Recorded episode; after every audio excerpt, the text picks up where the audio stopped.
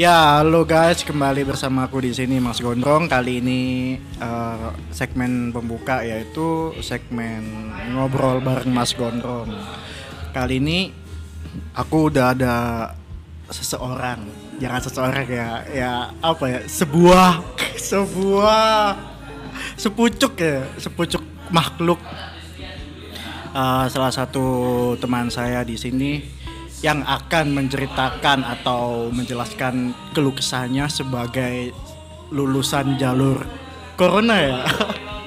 Lulusan jalur corona ya. E, pertama-tama perkenalan dulu aja biar lebih akrab. Silahkan. Halo semuanya.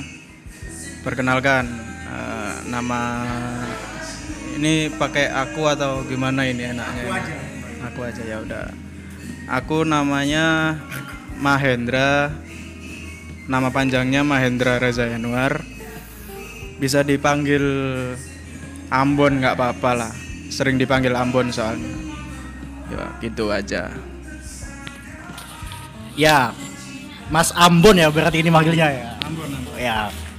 Uh, gini Mas, kan di tengah-tengah pandemi ini ya Mas ya seperti yang udah kita tahu bersama kan uh, satu masalah ini bisa menyebabkan banyak hal. Salah satunya di bidang di bidang di bidang pendidikan di negara kita ini. Masnya ini sebagai lulusan jalur corona uh, apa sih pendapat masnya ini tentang teman-teman SMA, SMK, up, uh, kelas berapapun yang emang mereka lulus tahun ini yang secara apa ya bisa dikatakan mungkin lebih dipermudah gitu ya lulusnya karena dibatalin gitu ya semua ujian gitu ya dibatalin. Nah, gimana Mas pendapat menurut Mas Ambon ini? Uh, menurut pendapat saya ya. Uh, lulusan tahun ini tuh sebenarnya bisa dibilang enak, bisa dibilang enggak. Uh, dibilang enaknya itu kita sebagai kelas 12 yang ujian tahun ini itu di, diuntungkan dengan tidak adanya ujian nasional. Tetapi tidak diuntungkan buat yang kelas 12 SMK ya. SMK soalnya masih ada ujian nasional, Mas. Jadi ibaratnya kita libur hari pertama khususnya di Jawa Timur ya Jawa yeah. Timur. Kalau di Jakarta kan udah nggak ada UN semua soalnya. Jadi waktu kita liburan pertama itu minggu pertama diliburkan sama pemerintah itu SMK masih ada ujian nasional. Jadi dia masih berperang dalam apa pandemi corona ini untuk pengumuman sih sebenarnya pengumuman eh, pengumuman di, ditiadakannya ujian nasional ini tuh Hamin berapa ya? Hamin 3 atau Hamin 4 itu saya lupa. Jadi saya bangun tidur ya, bangun tidur buka grup WhatsApp kelas. Itu wali kelas saya ngirimin SK, surat keterangan bahwa ujian ditiadakan. Wah, saya kaget dong jadi saya bilang ke mama saya kan ke mama saya mah nggak ada ujian. Gimana? Ya udah mama saya juga bingung juga. Nilainya dari mana nilai eh, ijazahnya dari mana itu juga bingung. Jadi katanya sih dari rapot ya dari dilihat dari rapot dari semester 1 sampai semester 5 jadinya tugas-tugas pun juga masih dikasih walaupun udah ada pengumumannya apa? Tidak ada ujian nasional ini tadi masih dikasih. Cuman saya dari saya sendiri sih masih bandel ya. Di diomong bandel juga ya bandel. Soalnya saya ngerjakan tugas ya cuman di awal-awal aja. Sekarang pun masih dikasih tugas tapi saya juga nggak ngerjakan gitu. Masih ada tugas bro? Masih masih mas. Masih ada tugas. Cuman tugasnya tuh gimana ya? Kayak dibilang penting juga katanya ada diambil dari nilai itu buat tambahan nilai apa sebagai ijazahnya. pengganti, sebagai pengganti nilai UN apa gimana itu? Bukan pengganti nilai UN tambahan nilai untuk di ijazahnya mas. Itu cuman saya sih nggak antara percaya nggak percaya ya jadi saya nggak ngerjakan.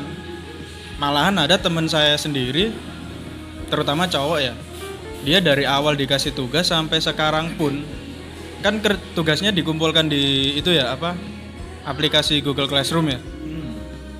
Itu malah dia nggak ada aplikasi di handphonenya. Di handphonenya dia itu nggak ada aplikasi Google Classroom sama sekali. Bener-bener GG tuh anak sumpah. Terus sih apa itu senengnya ya dari senengnya. Kalau sedihnya itu eh, kita sebelum ujian atau setelah ujian itu nggak ada kayak perpisahan sama teman-teman gitu. Soalnya kan menurut kata orang-orang itu masa SMA masa yang paling masa yang paling indah gitu kan. Apalagi lulusan-lulusan gini jadi pastikan ada acara-acara dari sekolah mungkin atau acara Tradisi coret-coret ah ya. tradisi coret-coret. Itu bener-bener nggak ada gitu loh. Emang sih sekolah saya emang semua sekolah sih lebih lebih tepatnya nggak nggak memperbolehkan muridnya untuk coret-coret ya. Cuman kan itu tradisi dari tahun ke tahun itu loh. Jadi ya nggak nggak bisa seneng-seneng di akhir pelajar apa di akhir sekolah ini. Kesannya itu bener-bener nggak ada gitu loh. Soalnya juga perpisahan pun mau rekreasi ke Pulau Dewata itu juga dibatalkan. Nggak tahu sih antara dibatalkan atau diundur. Itu juga nggak tahu. Mau anak-anak sendiri dari koordinator supporter osis juga itu semuanya semua ekstra perwakilan per kelas pun juga mau apa membuat acara seperti ya foto-foto bersama satu angkatan gitu di sekolah. Rencananya seperti itu. Cuman itu cuman wacana aja sih sebenarnya. Udah sempet kumpul-kumpul bikin bikin wacana seperti itu. Tapi setelah kumpul-kumpul itu ada pengumuman kalau UN ditiadakan. Jadi malah kayak udah buyar semua gitu loh mas. Jadi ya kita kita sendiri juga bingung antara kok apa? Di adanya apa adanya pengumuman kalau UN ditiadakan ini mau seneng atau susah gitu kita juga bingung. Gitu sih pendapatnya saya Berarti kalau untuk wisuda gitu tetap jadi apa enggak, Mas? kalau wisuda ya wisuda itu kalau kata apa waka saya sih wakasek saya itu antara tiada dan antara ada dan tiada bilangnya gitu soalnya juga wisudanya kan tanggal 10 Mei ini ya Mei- 10 Mei besok ini Harusnya ya. harusnya tapi ya di dilihat dari perkembangan pandemi corona di Indonesia ini kan semakin bertambah tuh.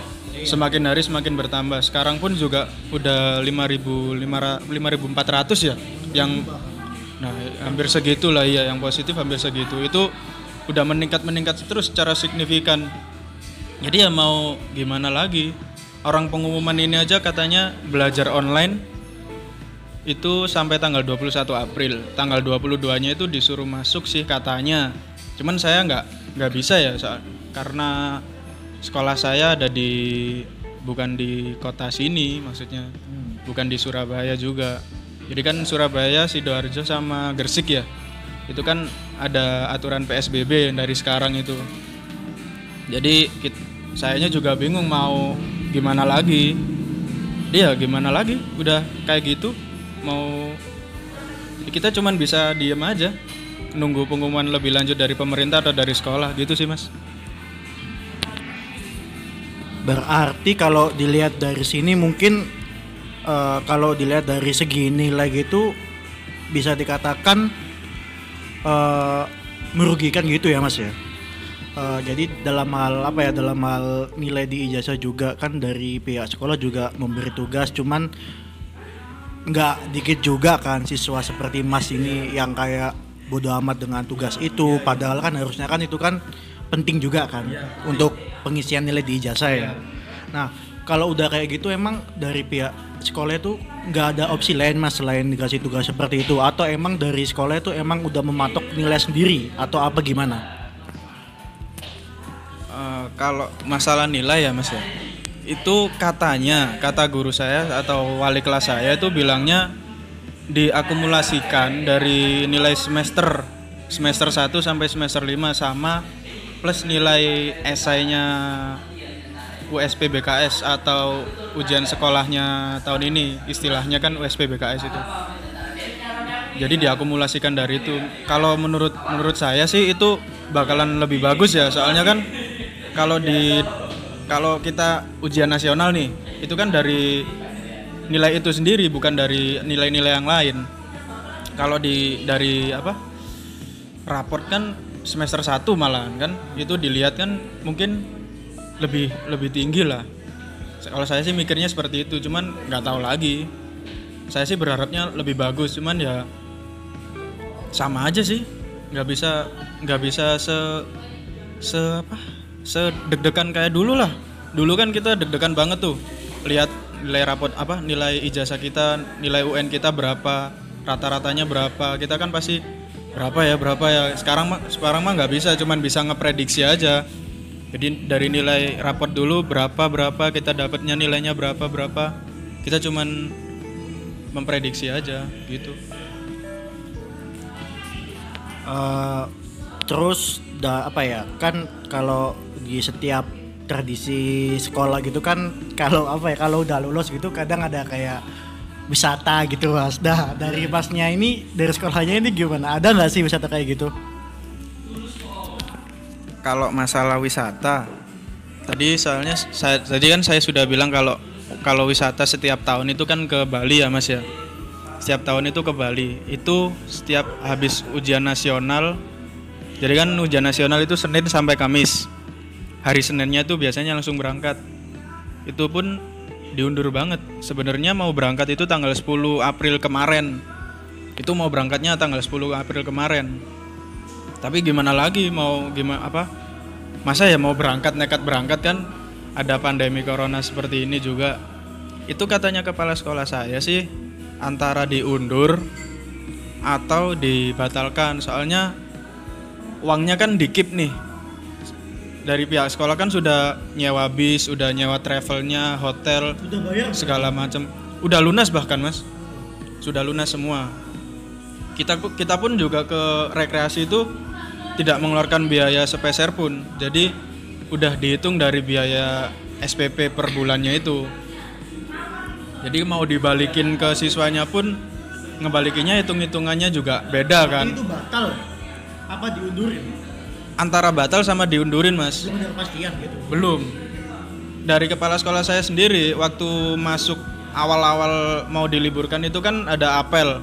Menjelaskan semua-semuanya katanya mau berapa tahun mau pandemi corona ini se, se, se, se- se- seselesainya lah.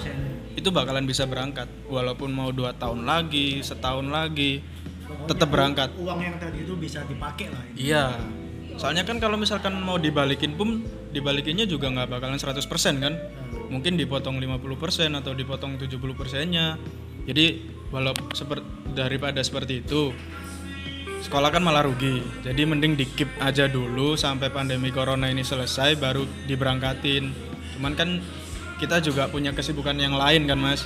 Ada yang daftar Polri, ada yang daftar TNI, ada yang sibuk kuliah juga kan pasti. Jadi ya itu kebijakan dari sekolah sih saya juga nggak tahu mau kayak gimana lagi tuh sekolah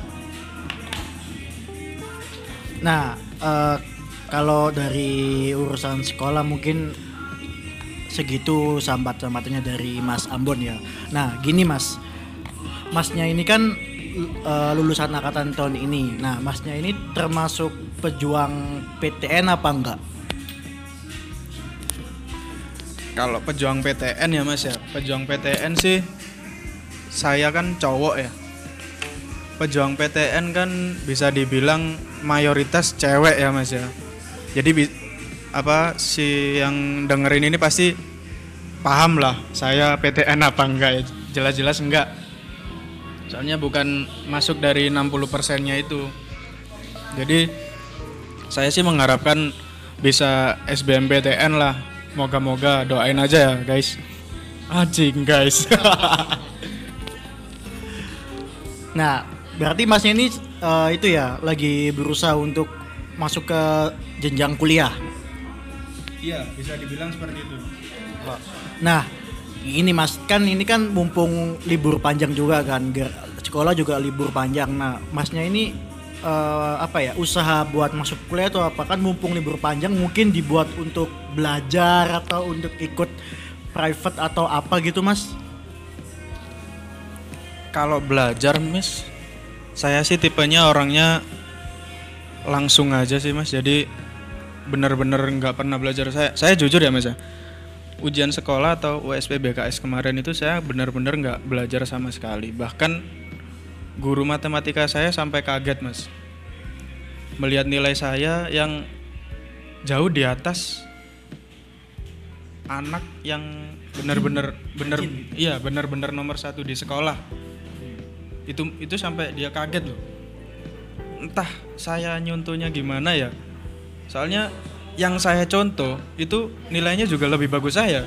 Jadi saya saya bingung sampai saya itu di disuruh langsung maju ngerjain empat soal malah pas bimbel di sekolah itu saya kan juga oh bimbel sekolah berarti Iya, jadi waktu bimbel sekolah kan itu sebelum diliburkan mas, jadi sempat masuk satu hari buat bimbel sekolah. Jadi itu guru saya langsung kaget melihat seperti apa, melihat nilai saya seperti itu.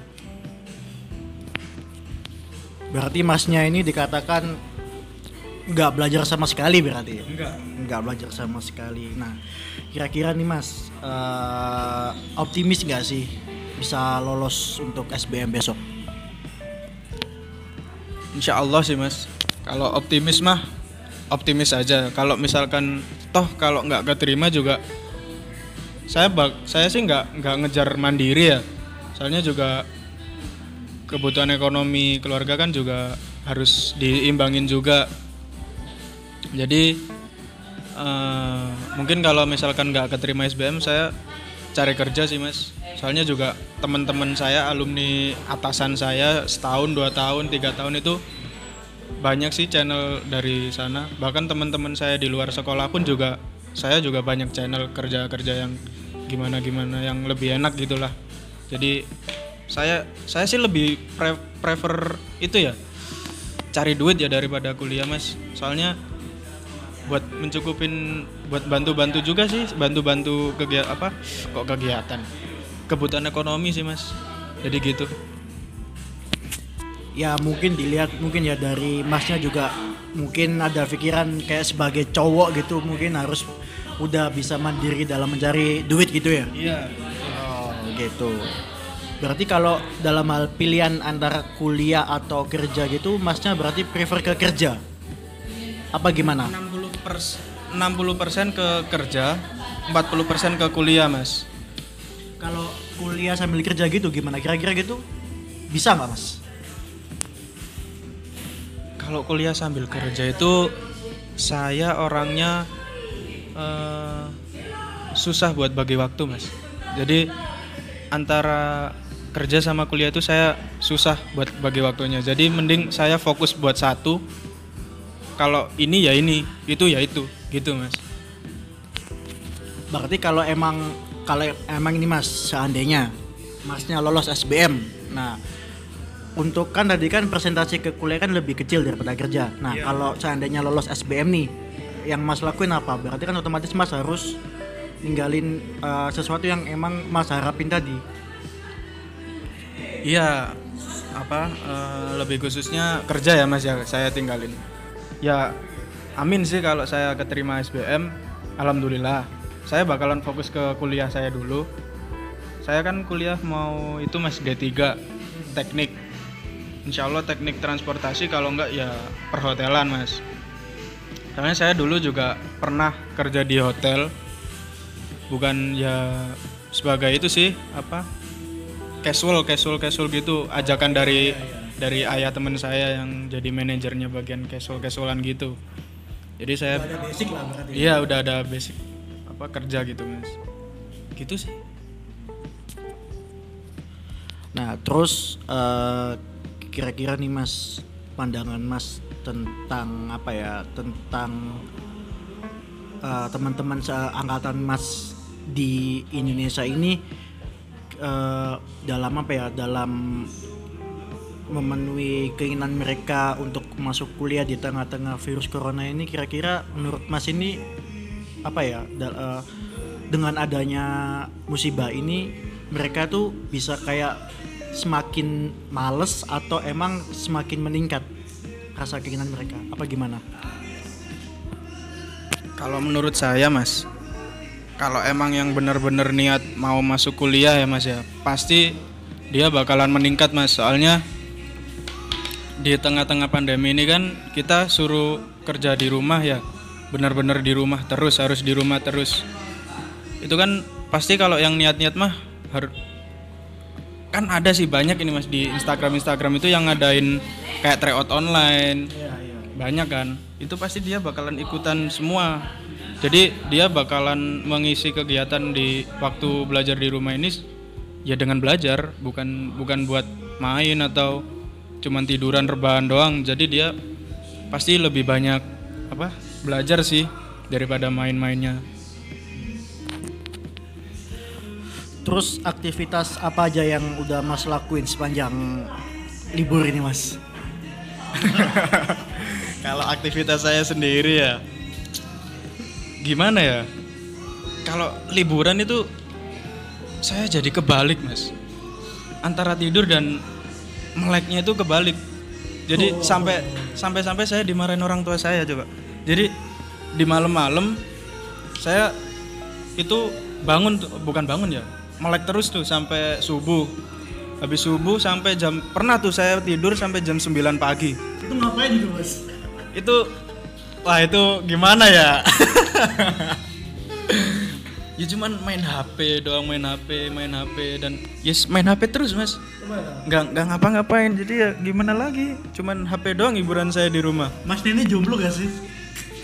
waduh kalau jomblo dibilang punya ya punya. Cuman ya kayak berasa nggak punya gitu mas. Aduh, sedih banget ambiar cuy. Ya mungkin untuk urusan jomblo-jomblo tadi kita bahas di segmen yang lain aja Mas ya. Mungkin Boleh, Mas boleh, yang boleh, mau boleh. berkeluh kesah tentang asmara gitu mungkin ya Mas. boleh boleh boleh Yang terakhir nih pesan dari Mas untuk teman-teman yang yang merasakan dampak ini Eh, bisa dikatakan teman-teman SMA SMA atau SMK yang lulusnya itu bareng sama Mas. Apa nih pesannya? pesannya sih eh, tetap semangat aja ya teman-teman walaupun kalian semua nggak nggak ada perpisahan sama angkatan kalian pasti adalah nanti waktunya buat kalian bertemu sama teman angkatan kalian. Entah itu bulan depan atau besok. Besok pun juga bisa kalau misalkan kita kan semua berdoa nih kalau awal puasa corona udah hilang nih. Semuanya kan pasti berharap seperti itu. Soalnya kan ya kali puasa-puasa lebaran sholat id malah nggak ada. nah suasananya udah beda. Yang ditunggu-tunggu dari tahun-tahunan kan pasti Ramadan mas. Ramadan sama Idul Fitri itu.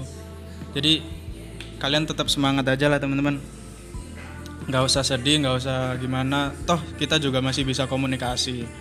Walaupun secara online cuman ya pasti masih bisa lah komunikasi nggak apa-apa lah.